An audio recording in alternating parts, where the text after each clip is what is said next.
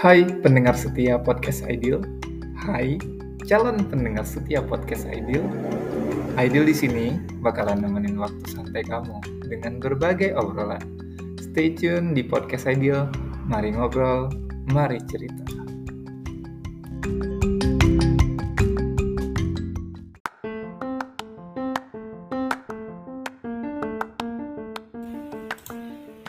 Mau belajar bahasa Jerman dengan biaya yang affordable di Banda Aceh?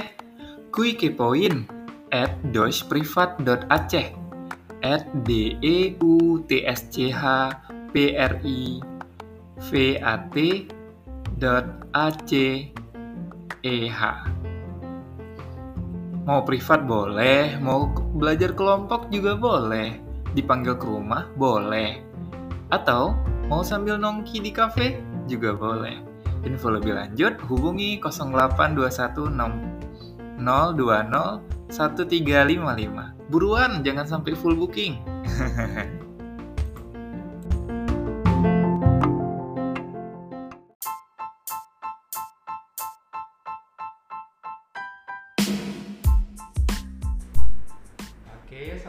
assalamualaikum warahmatullahi wabarakatuh. Teman-teman pendengar podcast Ideal di mana pun berada mau kalian dengerinnya pagi, siang, malam silahkan.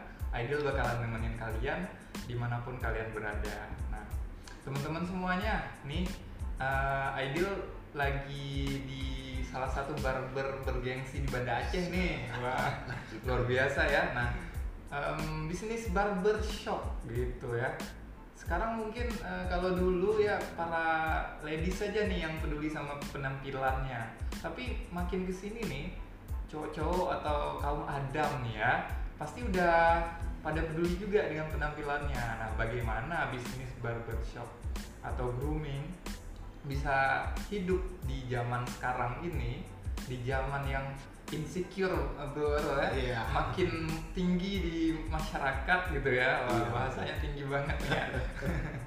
Oke nah jadi eh, sudah hadir eh, salah satu narasumber atau bintang tamu podcast Ideal Bro Arul. Nanti kita bakalan kenalan sama beliau. Nah eh, terus eh, sedikit Ideal mention dulu nih beliau udah malang melintang ke berbagai Wah, negara.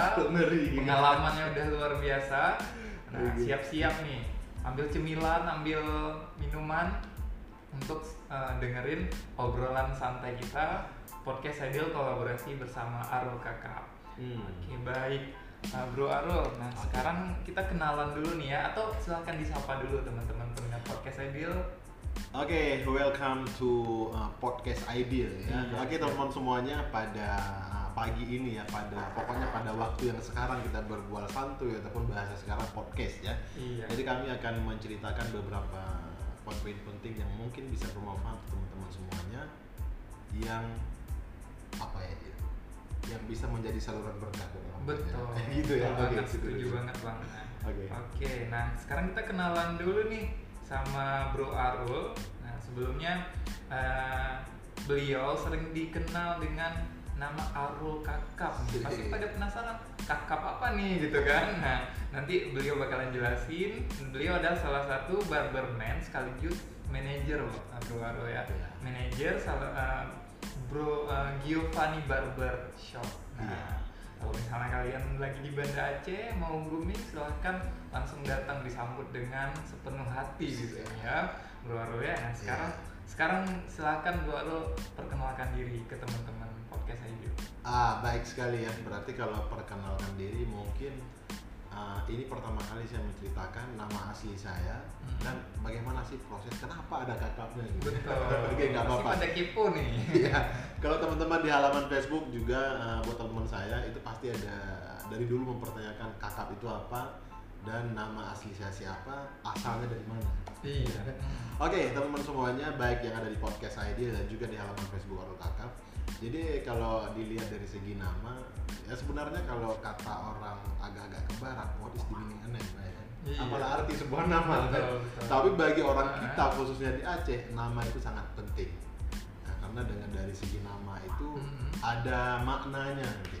Langsung saja, kalau nama saya sebenarnya itu Heru Rijal. Cukup sekali kita ulang. Kemudian Arul Kakap itu nama panggilan, nama yang memang eh, apa ya, nama yang saya suka simple Arul kakapnya apa jadi gini ceritanya kakap Oke. itu Mm-mm. dulu waktu saya sekolah eh, kakap itu adalah nama yang dikasih ketika saya menjadi seorang eh, pasukan pengibar bendera di salah satu kota yang ada di Aceh. Nah, jadi ketika saya menjadi pasukan pengibar bendera, kami karantina selama kurang lebih 1 sampai tiga bulan lebih kurang dan ada pelatihan semi militer, bukan Iya. semi sih agak ke militer dan di situ nggak boleh memakai nama asli. Nama dikasih untuk teman-teman saya yang ada 33 orang lebih Iya. itu harus dari nama ikan yang laki-laki, yang perempuannya nama bunga. Oh. Nah, jadi terbawa. Oh. Kalau jumpa sama orang itu nggak tahu nama asli, tetap nama ikan dan nama bunga. Karena teman-teman saya yang perempuan itu namanya ada melati, Iya. kaktus. Itu yang kami kenal. Mawar. Mawar mending kan? Iya, Iya. mawar mungkin udah familiar ya Iya. nama orang gitu ya. Tapi kalau Iya. jumpa kawan yang biasa, pasti namanya hiu. Ya kan? Arwana. Iya. Kalau saya kakap. Kakap. Ya kan? Jadi ya udahlah kita pakai aja. Setidaknya nanti ke depan ada kenang-kenangan dulu kita pernah mengukir ketika SMA. gitu. Betul. Itu dia. Gitu. Oh, Itu berarti cerita. berawal dari mm, bertugas menjadi paskibra ya, pasukan pengibar bendera. Nama ikan rupanya. nama ikan kakap gitu ya. Gimana kalau misalnya ada yang dapat nama ikan hiu gitu ya? Iya. Arul hiu jadinya ya. Hiu ya.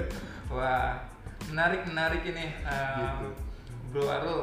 Hmm. Jadi nama kakapnya didapat dari uh, apa pelatihan lah, lebih ke militer ya? Ya, lebih ke agak semi militer. Semi militer betul. Nah berarti uh, mulai berkecimpung nih di dunia seni memangkas. Kira-kira Ah. sejak kapan nih Bro? Gitu ya. Iya. Kalau kita lihat mulai berkecimpung ya. Kalau Iya. mulai berkecimpung gini cerita dari awalnya. Mm-mm. Itu saya sebenarnya pangkas ini ada faktor genetik Waduh. dari eh, ibu saya, mama saya. Jadi mama saya ini seorang eh, kalau saya lihat eh, nilai seninya banyak. Bisa Oke. melukis, bisa bikin eh, kue, masakan, kemudian bisa juga potong rambut. Cuman Hmm. Iya. mama saya ini karena kan tinggal di desa kita di kampung, Betul, betul. tidak membuka salon dan juga tidak mengimprovisasi di barber, di salon, di di kedai Iya. di kota. Jadi orang-orang kampung dulu potong rambutnya itu sebagian besar sama mama saya. Oh. Rambut perempuan. Oke. Juga bisa rambut laki-laki, tapi laki-lakinya yang dipotong keluarga kita sendiri. Nah, jadi saya melihat Hmm. oh, ya. Hmm. Jadi terakhir eh, saya masih SD kelas 6 SD. Suka ini harus potong rambut. Saya ambil lah karena mama saya juga pandai menjahit. Oke. Saya ambil gunting potong kain. Saya panggil adik saya kan. Oke. Saya potong rambut dia. Seminggu nggak berani sekolah. jadi Awal-awal kayak jadi kelinci percobaan ya. Oke. Jadi adik saya nih. Ah. Kayak helm, kayak pura-pura ninja. deh. Jadi terakhir singkat cerita uh, seiring berjalannya waktu Iya. saya belajar lagi sharing-sharing ke teman-teman bagaimana melihat tukang cukur yang ada di desa menggunakan gunting. Ya Hmm. sudah kayak saya harus bisa. Dan yang paling penting itu passion saya, minat. Minat banget Nah, memang mencintai profesi potong rambut dari dulu. dari dulu, Nah. dari sejak SD berarti Sejak gua SD. Rol, ya. Ya sejak SD terus bertumbuh bertumbuh berkembang sampai pernah upgrade skill di berbagai berbagai workshop ataupun belajar dengan teman-teman awalnya ini apa kabar ya adik-adiknya nih yang jadi korban korban percobaannya Bro Arul gitu ya. Iya. Sampai satu minggu nggak mau sekolah loh. gitu Dulu, kan. ya. Iya dulu ya. Oke. Iya. Nah, berarti salah satu alasannya mungkin passion. Ada alasan lain nggak memilih barberman sebagai profesi Bro Arul sampai sekarang? Hmm, jadi gini, kalau berbicara uh, profesi ya, Betul. dulu saya uh, karena bawaan potong rambut dari awal, sehingga seiring berjalannya waktu tamat sekolah saya pernah bekerja di salah satu instansi pemerintahan yang ada di Aceh Oke. sampai lebih kurang hampir 10 tahun. Wah lumayan lama ya. Lama. Jadi gini, saya tidak lepas bergerak. Artinya apa? Dengan posisi saya waktu itu tenaga kontrak, Oke. bukan pegawai negeri. Pegawai negeri lumayan. Jadi waktu itu saya melihat orang yang sudah teman-teman saya, abang leting saya, teman-teman lah ya, Iya. yang sudah di situ sekitar eh, mungkin 10 tahun lebih awal dari saya, lima tahun lebih awal dari saya, kehidupannya seperti ini sekarang. Oke. kaget saya kan dalam hati kalau saya bertahan lima tahun yang akan datang kehidupan saya seperti ini Hmm. ini nggak bisa saya harus banting setir saya harus move on Oke. saya harus selingkuh gitu. Gitu maksudnya selingkuhnya bukan Dalam ini. artian positif ya. jadi saya harus selingkuhnya harus berpaling arah. Betul. Nah, jadi mau nggak mau saya harus bebas harus menjadi manusia merdeka. Saya nggak boleh terjebak di zona seperti ini.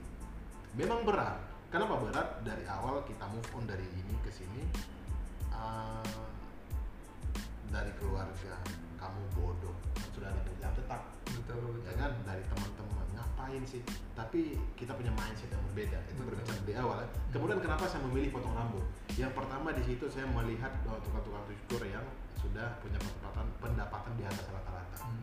dan ini kan seni nih. Bisa kita tunjukkan ke dunia kita expose ke media bisa bekerja sama dengan media dalam arti kata memonetisasi uh, pengalaman kita di media Iya. kita uangkan dan itu bisa menjadi salah satu income yang menjadi buat kita Nah, makanya saya memilih eh, ini seni bagus akan berkembang. betul betul Itu dia ceritanya. Oke, ada kata monetisasi pasti pada penasaran nih. Tapi tunggu dulu, sabar, Tunggu dulu, gitu ya. sabar, sabar. Sabar teman-teman pendengar podcast atau teman-teman uh, followersnya Bro Arul. Ya. Ya, nanti kita bakalan mention lagi nih apa monetisasi atau apa yang uh, istilah-istilah lainnya ya. Nah, karena yang ujungnya itu nanti bakalan denger yang namanya cuan. gitu Cuan, ya. sih. Kalau udah bicara cuan pasti pada lebih fokus nih dengernya ya. gitu. Iya, Nah, berarti berawal dari ngambil satu sikap gitu ya, Bro Iya, Arul ya. iya. Di mana uh, nggak mau nih harus terjebak di lingkaran yang itu-itu aja gitu. Di mana juga uh, yang namanya kesejahteraan ya harus kita kejar pastinya ya. Apalagi gini dia. Kalau menurut saya ya, Betul. hidup yang tidak pernah dipertaruhkan itu tidak akan pernah dimenangkan. Oh. Jadi pertaruhkan maka akan kita akan menang. Itu itu hashtagnya gitu loh. Iya, setuju, Setuju ya. ya. Oke. Iya. Habis saya. Waduh habis ya. Nggak apa-apa. Saya minum juga ya. boleh boleh. Minum dulu sedikit. Makasih jamuannya bro ya. Buat temen, buat uh, perusahaan minuman, ya kalau misalnya mau Kerja sama. kerja sama, boleh lah nanti dinego sama adminnya Arul iya. atau ke podcast Ideal juga silahkan bareng-bareng loh. Kami Bareng-bareng. kami bakalan ada jadwal rutin loh, jadi engagementnya luar biasa gitu Iya, ya. betul. betul. Mm-mm. Oke baik. Tadi ke pergi dari uh, tenaga kontrak Iya. gitu kan, meninggalkan pendapatan yang sudah aman di setiap Iya. bulannya untuk menjadi atau belajar lagi jadi seniman dan memilih bidang barberman. Cuan nggak sih? Nah, Iya, gini. Kalau berbicara cuan, berbicara soal uh, profesional seseorang ya. Oke. Jadi profesi kita tukang cukur nih. Kalau kita mau sejahtera menjadi tukang cukur, itu namanya kita apa bukan namanya? Kita iya gini, lebih baik lebih tepatnya gini. Yang bisa mensejahterakan seorang tukang cukur itu tukang cukur sendiri dengan izin Tuhan. Oke. Artinya apa? Hmm. Kalau kita ingin mendapatkan hasil yang lebih, maka kita harus melakukan hal yang lebih lagi. Lakukan lebih untuk mendapatkan hasil yang lebih baik. Oke. Kalau dalam istilahnya, what you give you get back. Apa yang kita berikan akan kita dapatkan kembali. Oke. Ya kan? Contohnya gini, Mm-mm. uh, banyak kan tukang cukur nih yang ada di Aceh lah. Banda Aceh. Itu kan uh, tukang cukurnya itu hanya uh, tukang cukur ya, bukan seniman rambut. Menurut saya ada dua nih, ada seniman rambut, ada tukang cukur. Oh, berarti ada seniman rambut dan Ada ada, tukang tukang cukur. cukur. Bedanya gimana? bedanya Kan gitu. nih? Hmm. Kalau tukang cukur, dia cukur rambut customer asal pendek sudah, rapi pendek sudah. Tapi kalau barber ataupun uh, seniman rambut yang yang sekarang lah kita minati ini, yang saya minati sekarang ini, yang sedang saya geluti, bagaimana kita bisa menciptakan sebuah keindahan mata memandang ketika melihat rambut si customer yang kita potong. Oh. Ada keindahan mata memandang, ada sentuhan yang berbeda. Contoh dalam mengerjakan fade. Fade itu potongan yang kosong, blur udara Oke. bagian samping. Dia ada seninya, ada tone-nya, ada nada-nadanya sehingga tersusun dengan rapi dan menghasilkan keindahan. Oke, ini udah seniman yang Ya. ngomong ya. gitu ya. iya betul. Jadi kalau tukang cukur seperti kita katakan tadi, dia sekedar pendek ataupun sekedar uh, rapi sudah. Itu pengerjaannya paling 10-15 menit. Di Oke. barber 30 menit sampai 1 jam. Makanya harga kita berbeda.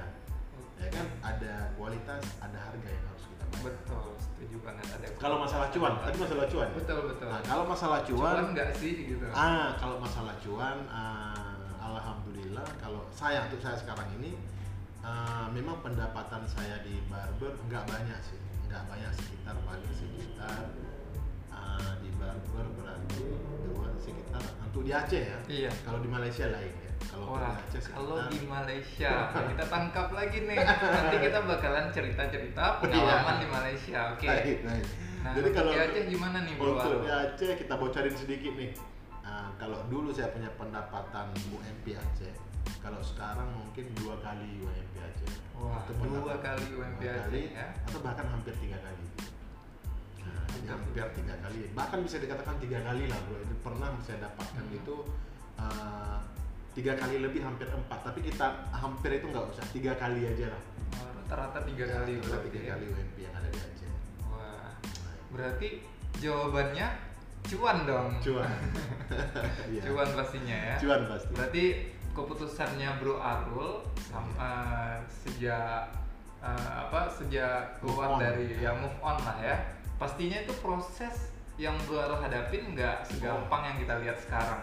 Eh, Ideal percaya itu kenapa? Karena berapa ketika kita melakukan satu keputusan tadi Bro Arul cerita keluarga teman-teman ada yang menentang keputusan itu tapi dibuktikannya itu beberapa tahun ke depan pastinya ya Iya. atau beberapa waktu ke depan gitu. Nah, berarti jawabannya cuan, Cuan. teman-teman ya. Oke, bagi teman-teman yang punya ketertarikan di dunia barbershop, pengen jadi seniman pangkas rambut, Bro Arul juga eh, ini ya, Idol ada sempat dapat info kalau Bro Arul punya barber academy gitu Yes, ya. Boleh yes. di-share sedikit? Oke. Masuk iklannya nih. Oke, Silakan. jadi gini teman-teman ya, baik yang ada di podcast Bro, Bro Ideal dan juga yang ada di halaman Facebook Alun Kakak. Buat kalian yang ada di seputaran Banda Aceh khususnya Aceh ataupun di seputaran Sumatera ataupun lebih luasnya lagi Indonesia ya, karena kalau dari luar negeri tidak mungkin saya rasa, belum mungkin karena kondisi negara kita masih tertutup. Betul. Oke, jadi eh, buat kalian yang ingin upgrade skill dari pangkas biasa ke barbershop dan kami di Gio Barber Cut ataupun di Aroka Cut Empire gitu kan, kita membuka peluang buat teman-teman yang ingin mengasah skill menjadi barber profesional yang itu bisa mensejahterakan diri kalian. Apa yang kalian dapatkan ketika bergabung? Yang pertama skill potong rambut, public speaking, dan juga bagaimana kalian bisa punya knowledge tentang uh, dunia potong rambut.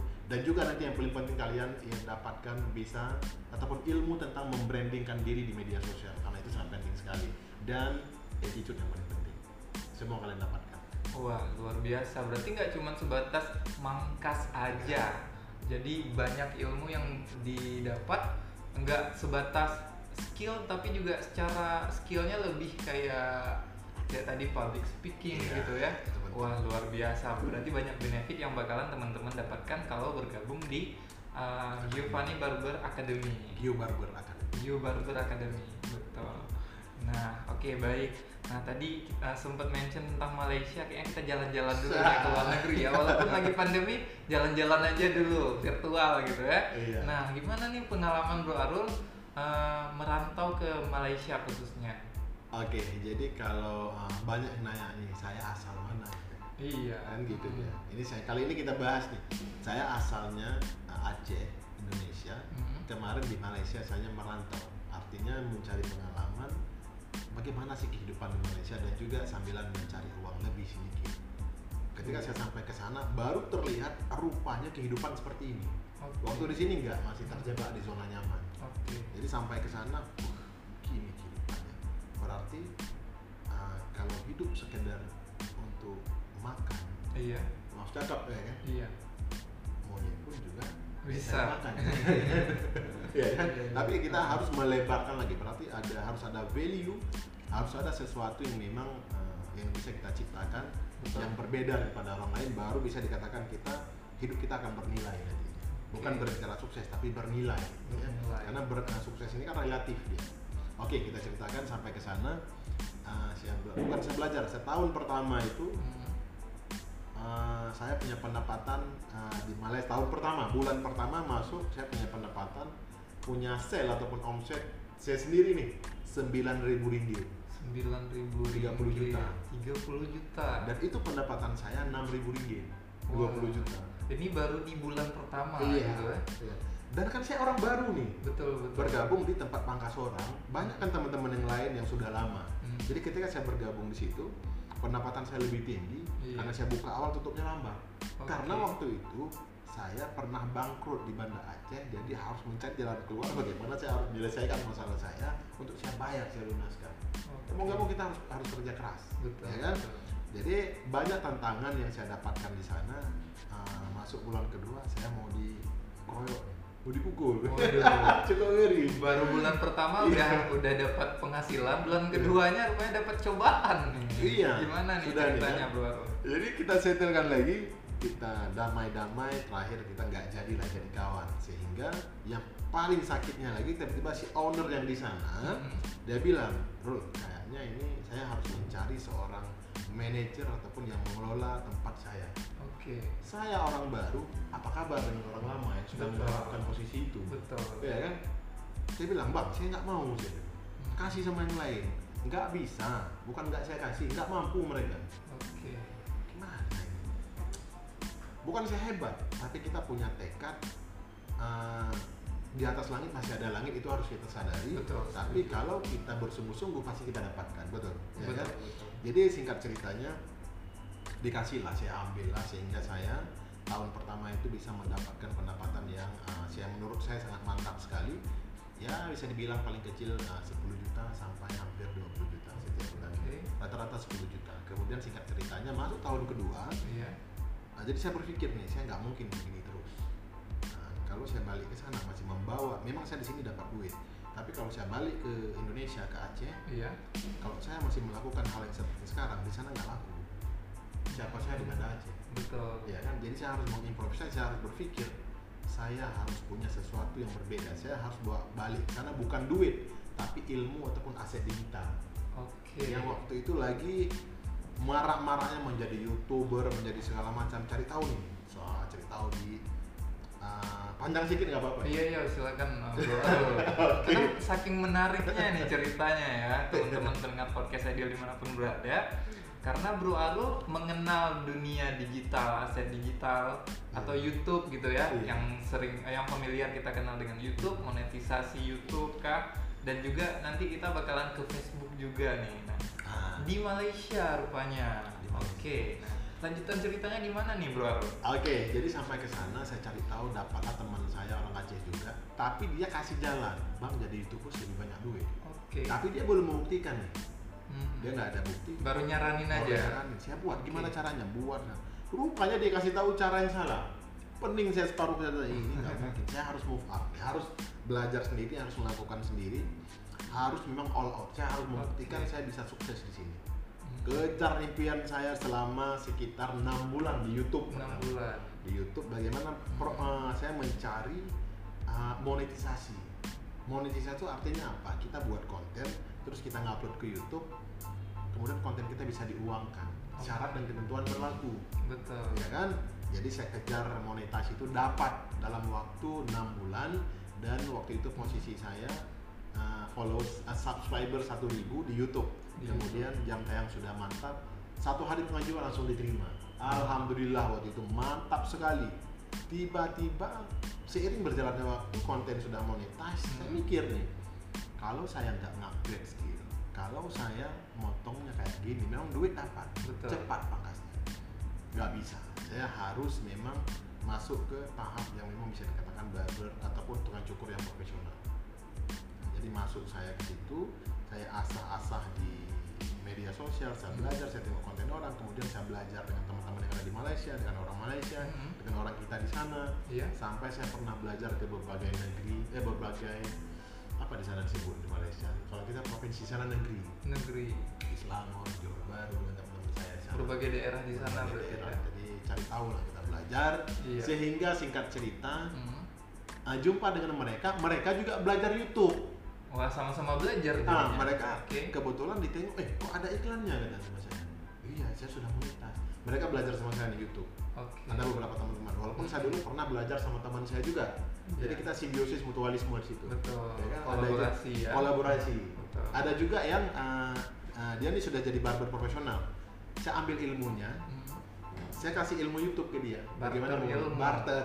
jadi singkat cerita, begitu di perjalanan Mhm. ternyata mereka cepat naik nih wah naik mereka Waduh. saya di bawah sekali ini kok kayak YouTube kok kayak tahu gitu kan entah Hmm. karena skill saya masih mungkin masih kurang konten saya kurang menarik saya nggak tahu Iya. yang pastinya saya rasa kayaknya waktu itu saya masih uh, semangat kuat tapi strategi kurang Oke. Nah, jadi semangat menggebu-gebu strategi saya nggak ada jadi nabrak-nabrak jalan Sama. tapi alhamdulillah saya bersyukur saya punya pola Hmm. pikir yang memang terus ingin belajar ingin cari tahu sehingga seiring berjalannya waktu ketika singkat cerita ya ketika teman-teman saya sudah naik saya kan agak sedikit minder nih kok saya drop kayak gini Iya, padahal yang pertama ngajarin gitu ya. Ngajarin Betul. kok kayak gini ah timbul inisiatif saya saya harus monetize di Facebook Wah. Wah. Hijrah gitu ya. Iya.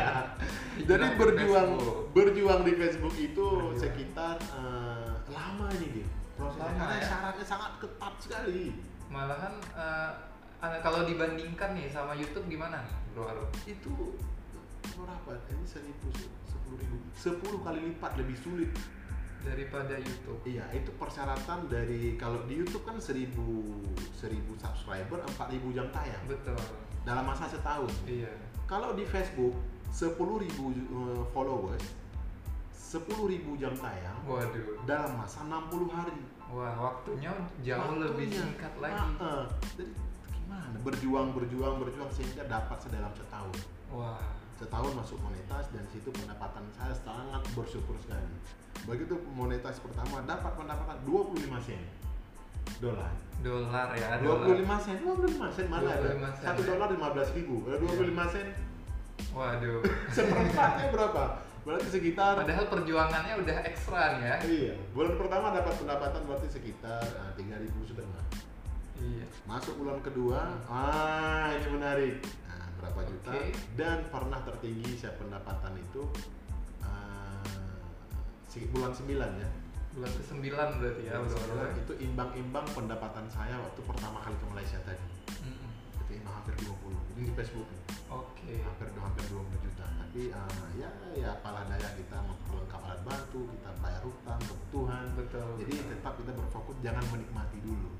Oke. Itu singkat ceritanya berproses Iya. dari tukang cukur, youtubers bergerak dan kemudian jadi uh, streamer kalau di Facebook kan streamer. Iya, betul. Jadi dan sekarang saya ingin belajar juga bagaimana lebih lebih meluas lagi, lebih mendalami lagi tentang Hmm. dunia digital. dunia digital. Nah, karena kalau sekarang menurut saya gini, kalau seorang tukang cukur ya, Iya. uh, uh, a barber without followers is like a bird without wing. Oke. Jadi kalau kalau menurut saya seorang barber, seorang seniman rambut yang tanpa memiliki followers ataupun aset digital itu bagaikan burung tanpa sayap. tanpa Nerbangnya susah gitu. Terbangnya susah ya, di daratan aja ya. Iya, Oke. daratan aja. Oke, berarti itu singkat cerita ya Iya. prosesnya dari sini ke Malaysia dan dari sana ke sini lagi. Iya. Wah, menarik sekali nih pengalamannya Bro Arul ya, mulai dari belajar seni mangkas, move ke digital, mulai dari YouTube terus Iya. ke Facebook. Nah, Tetapi tetap on the track ya. iya. Dengan topik yang sama. Betul betul. Dengan konsisten dengan bidang yang Bidang sama. yang sama. Nah, eh, Bro Arul tadi sudah jadi sudah bisa dibilang jadi konten kreator ya. Nah, Bisa dibilang. Iya betul. Mau eh, platformnya boleh terserah di mana aja, mau YouTube, Facebook atau apa pun itu. Nah, menurut Bro Arul nih, Hmm. Konten kreator itu apa sih? Gitu. Ah, gitu ya. Oke, Karena eh, teman-teman pendengar podcast Ideal dan followersnya Bro Arul pasti punya definisi yang berbeda-beda nih. Nah, kalau menurut Bro Arul sebenarnya konten kreator tuh seperti apa sih? Kalau menurut saya, uh, konten kreator itu adalah seseorang yang membuat konten yang eh, seseorang yang menjadi kreator baik dia membuat video uh, video apa audio visual ataupun video kayak Hmm. gitu kan jadi apa pun itu dia mengunggah ke uh, media Ke media. dia mau ini ini bahasanya sederhana ya Betul. dia mau unggah ke media seiring berjalannya waktu dan dia nanti akan mendapatkan apa yang dia berikan ke media media akan memberikan ke dia jadi jangan berhenti cuma di menjadi konten kreator saja tapi Oke. bagaimana menjadi konten kreator yang dibayar yang dibayar. Nah, betul. Nah, menariknya konten kreator yang dibayar dan Iya. produktif. Nah, Iya. gimana sih caranya? Ah. Karena kan Bro Arul ini pengalamannya udah luar biasa nih. ah, Nah, gitu. ya, jadi gimana sih jadi biar jadi konten kreator yang produktif gitu? Nggak cuma sebatas konten kreator aja tapi kan kita butuh cuan Butuh gitu cuan. kan nah jadi cara jadi pro konten kreator yang produktif boleh berbagi nih bro Arul Oke, trik boleh. and tipsnya silakan Baik, kalau cara jadi konten kreator yang dibayar, yang pertama kita harus apa namanya ya? Kalau bahasa saya, niat baik tidak cukup kalau kita tidak melakukan dengan strategi yang benar. oke Nah, niat baik tidak cukup kalau kita tidak melakukan dengan cara yang benar. Ya kan? Jadi gini, kita punya niat jadi konten kreator yang dibayar. Tapi tidak cukup dengan punya niat saja, tidak cukup dengan mengupload saja, tidak cukup dengan membuat video saja, buat Oke. konten saja. Tapi bagaimana kita harus belajar, walaupun tidak paham strategi, harus belajar strategi nguploadnya, belajar nanti ada hashtag, judul, thumbnail segala macam. Ya kan kita harus pantau itu dan yang paling penting adalah bagaimana konten kita dari hari ke hari Hmm. itu harus uh, harus jauh lebih bernilai dan ada manfaat yang bisa orang. Itu yang paling penting kontennya itu ada value-nya. ada value-nya Nah, ya itu akan berkelanjutan. Oke. Yang kemudian yang paling penting lagi setelah kita buat konten dengan strategi yang benar harus rutin nguploadnya. Rutin. Harus ada agenda rutin. dijadwalkan. ya Iya, itu dia, itu dia pokoknya. Oke, Masalah hasil jangan tanyakan tahun pertama ikat pinggang dulu, masuk tahun kedua sudah mulai ada uh, update alat alat alat bantu. oke Tahun ketiga baru nanti nikmati sedikit. Iya sedikit ya Tahun keempat sudah pasti saya pastikan nanti kaya raya. Dan saya belum masuk ke tahun keempat. berproses ya. Berproses, iya.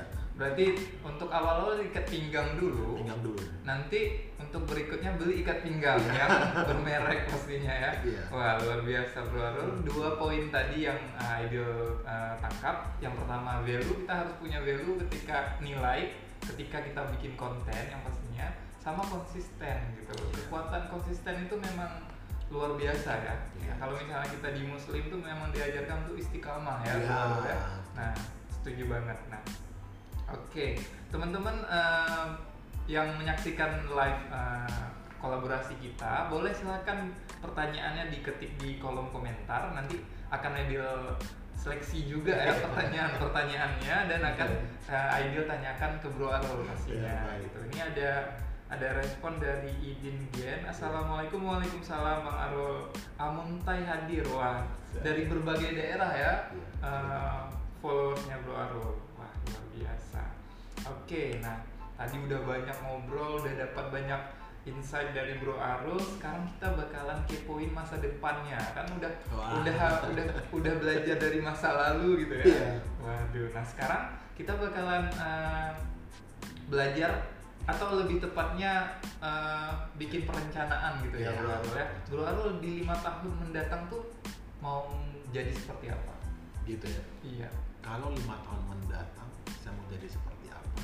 Kalau jawaban saya mungkin nggak langsung harus begini harus enggak. Oke. Jadi gini, kalau menurut saya bagaimana cara kita melihat masa depan? Bisa nggak kita orang biasa Hmm. yang kita tidak punya kemampuan magic dan kita manusia biasa, bisa nggak kita melihat masa depan kita lima tahun Bisa nggak? Logikanya masuk. Logikanya sih kalau ideal pribadi belum bisa. Belum bisa. belum bisa gitu ya.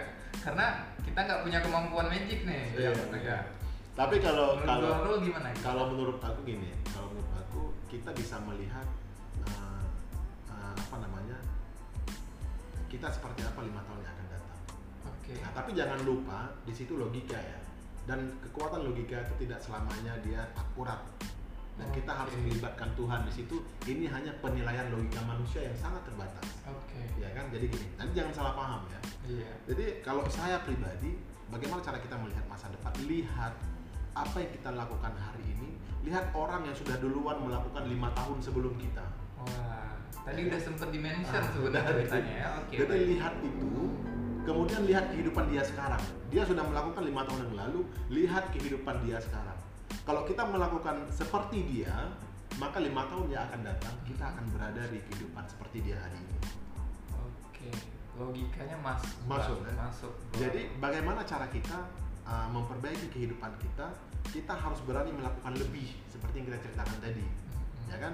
Kalau dia seperti itu, saya harus lebih supaya kehidupan saya di lima tahun yang akan datang jauh lebih baik daripada itu.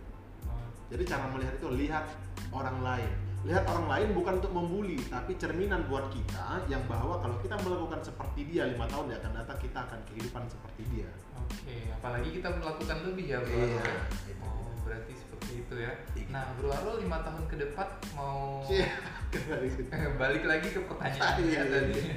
Oke. Dikulik lagi, oke. Oke, lima tahun ke depan, eh, menurut saya, yang pertama, saya harus punya followers di halaman Facebook ataupun teman-teman di halaman Facebook itu dalam 5 juta followers. 5 juta follower. Itu lima tahun yang akan datang. Iya. Dan insya Allah tahun ini, eh, impian saya yang paling dekat ini, eh, di tahun 2000 ini, di ujung tahun nanti saya harus punya satu juta followers. Satu juta, berarti lima tahun 5 juta. 5 juta. Oke. Kemudian ada lagi di lima tahun yang akan datang saya harus sudah memiliki uh, teamwork dalam bidang saya dan itu uh, dengan nama Arul Kakap Empire. Oke, Arul Kakap Empire. Empire. Jadi Arul Kakap Empire itu terdiri dari uh, haircut, Oke. barber, kemudian ada uh, videographer dan juga ada nanti seperti podcast. Oke. Pokoknya kita lengkap di situ dan kita punya satu tim Hmm. yang di situ kita akan bekerja sama, sama-sama bekerja, sama-sama tuangkan ide. Karena kalau kita bisa bersama banyak hal bisa kita lakukan. Betul. Mungkin orang lain tidak mampu, kita mampu karena unity is power. Oke. Kebersamaan adalah kekuatan kita. Ya. Itu di lima tahun yang akan datang. Setuju. Lima tahun akan datang, Bro Arul sudah punya Arul Arul Kakap Empire. Di mana tempatnya? Iya. Ini podcast Ideal jadi saksi ya. Iya. jadi saksi lima tahun ke depan insya Allah. Iya, insya Allah. Bro Arul bakalan punya Arul Kakap Empire. Oke teman-teman, terima kasih untuk like-nya ya. Eh, Ideal juga join di di live streamingnya Bro Arul. Nah masih nunggu pertanyaan-pertanyaan dari teman-teman semuanya. Dan sekarang, em, nih Bro Arul sudah punya banyak pengalaman di dunia barberman, gitu kan? Nah, gimana sih harapan Bro Arul nih sebagai senior bar- barberman? Asik. kan udah udah bisa dibilang senior nih ya, soalnya udah punya banyak pengalaman. Eh, untuk teman-teman yang baru memulai kah? Atau yang sedang berjuang di dunia barberman, begitu. gitu ya. Berarti kalau berbicara senior ataupun banyak pengalaman saya rasa saya masih kecil lah. Nggak nggak terlalu banyak dibilang senior ya masih tahap belajar. Tapi Iya. kita harus sadari seperti yang kita katakan tadi di atas langit masih ada langit. Kalau Betul. kita ingin berjuang mendapatkan pasti Tuhan memberikan. Betul. ya kan? Oke kembali ke pembahasan kita. Eh, apa tadi? Bagaimana Harapan nih oke. terhadap dunia barberman. Oke mantap sekali. Harapan saya sebenarnya saya tidak punya, tidak pernah punya harapan karena sebelum itu ya. Iya. Karena eh, jangan pernah menggantungkan kebahagiaan ataupun harapan kepada orang lain karena ketika dia pergi kita akan tersakiti. Oke. Jadi bagaimana kita bisa menciptakan kebahagiaan di diri kita sendiri sehingga orang lain akan mencari kita untuk merasakannya. Oh, Jadi jangan pernah menggantungkan harapan. Karena berbicara harapan. Betul betul. Tapi kalau berbicara harus apa sih seorang tukang cukur ke depannya? Betul betul. Nah, menurut saya kalau harus apa yang harus dilakukan oleh seorang tukang cukur sehingga bisa membuat dirinya sejahtera yang pertama adalah jangan cepat bermegah diri, Oke. rendah hati, dan juga terus menjadi saluran berkah buat orang banyak. Jangan cepat bermegah diri, rendah hati. Rendah hati, terus menjadi saluran Saluran orang berkah. banyak. Ada satu lagi, teruslah belajar dan tetap rendah hati juga sampai mati sampai selama lamanya. Iya, setuju banget ya Bro Arul. Nah, rendah hati gitu ya. Bro Arul aja yang udah malang melintang ke mana aja masih rendah hati gitu ya. gitu ya, luar biasa Bro Arul. Nah, sekarang eh, kita cek lagi ada pertanyaan dari teman-teman. Nah, oke.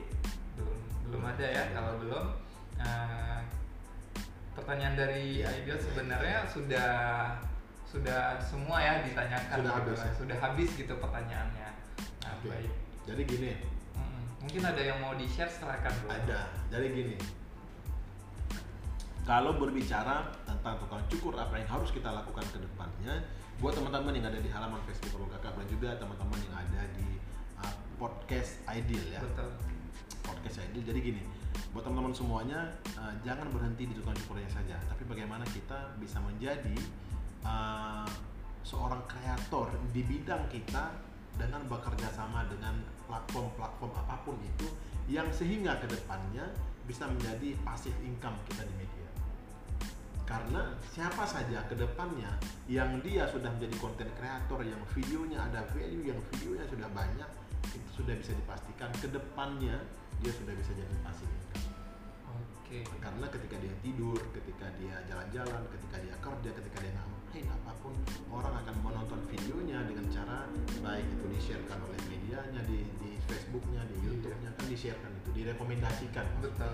Jadi secara, secara tidak langsung orang menikmati video kita dan ketika video kita ada value, ada iklannya dia yang ditampilkan dan di situlah yang bisa menghasilkan untuk diri kita dan dari situlah kita bisa hidup sejahtera sosial secara apa sejahtera secara sosial dan ekonomi.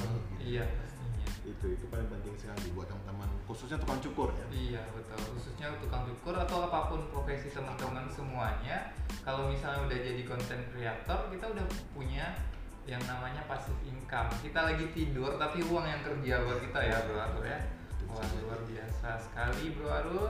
Nah terima kasih banyak nih Arul udah menyempatkan waktu main-main ke podcast Ideal. Ini bakalan segera Ideal edit dan bakalan Ideal share di episode berikutnya karena banyak kali daging gitu ya. Iya. daging apa nih? Daging ilmu pastinya teman-teman semuanya. Nah jadi tetap semangat di uh, profesi apa pun tetap semangat dengan cita-cita kalian. Nah sekarang kita dengerin nih closing statement dari Bro Arul gitu ya. Poin-poinnya ya apa aja silahkan Bro Arul Oke, kalau closing statement dari saya sebelum kita closing statement, uh, saya ingin menyampaikan sedikit tentang uh, bagaimana Hmm. khususnya untuk teman-teman kita di Aceh, ya, khususnya kepada teman-teman kita di Aceh yang uh, barber gitu ya. Iya. Ini bidang saya aja, Betul, yang betul. barber. Hmm. Jadi buat teman-teman yang barber yang ada di Kota Banda Aceh, uh, kalau menurut saya bukan pesan sih sekedar ya sharing-sharing kita buat teman-teman yang di komunitas uh, barbershop yang ada di Aceh kalau menurut saya ke depannya itu harus lebih maksimal all out bagaimana kita bisa mencetak uh, tukang cukur tukang cukur yang sejahtera secara sosial dan ekonomi khususnya di Aceh dulu nih. Di Aceh. caranya gimana? Caranya adalah dengan uh, kita owner kita yang bertanggung jawab di barber bagaimana bisa mengupkan pendapatan mereka kita kasih solusi caranya seperti apa dan yang paling penting mereka bisa ber, ber, ber apa ber ya bisa ber- mengekspresikan dirinya di media itu kita ajarkan juga dan itu tanggung jawab kita di komunitas barber supaya ada hal yang bisa kita berikan untuk barber-barber Oke. untuk tukang-tukang cukur. Jadi dengan kita punya komunitas, kita punya strategi untuk mengupkan ekonomi kita, Iya. itu salurkan. Rangkul teman-teman yang punya kemampuan. Hmm. Bukan berarti saya punya kemampuan, enggak, enggak, bukan begitu ya, tanda kutip ya, jangan Iya. salah paham. Iya betul. Dan karena ha- eh, karena tujuan kita pengen membuat tukang cukur ini bernilai. Itu ya. Kalau masalah bukan masalah kalau tentang apa tadi bentukannya slogan apa?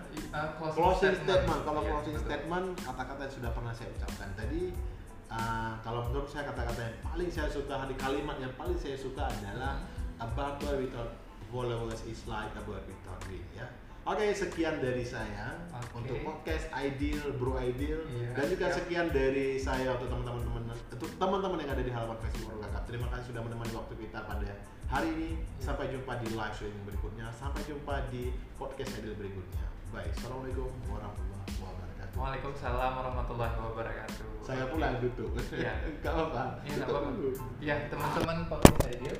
Aduh. Ya. Teman-teman podcast Ideal, gimana nih tadi belajar bareng Bro Arulnya?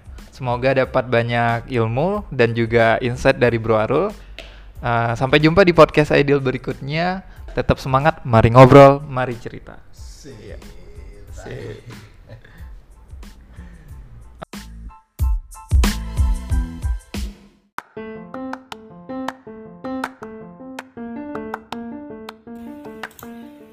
Mau belajar bahasa Jerman dengan biaya yang affordable di Banda Aceh? Kui at deutschprivat.aceh at d e u t s c h p r i v a t dot a c e h. Mau privat boleh, mau belajar kelompok juga boleh, dipanggil ke rumah boleh, atau mau sambil nongki di kafe juga boleh. Info lebih lanjut hubungi 08216 020 1355. Buruan, jangan sampai full booking.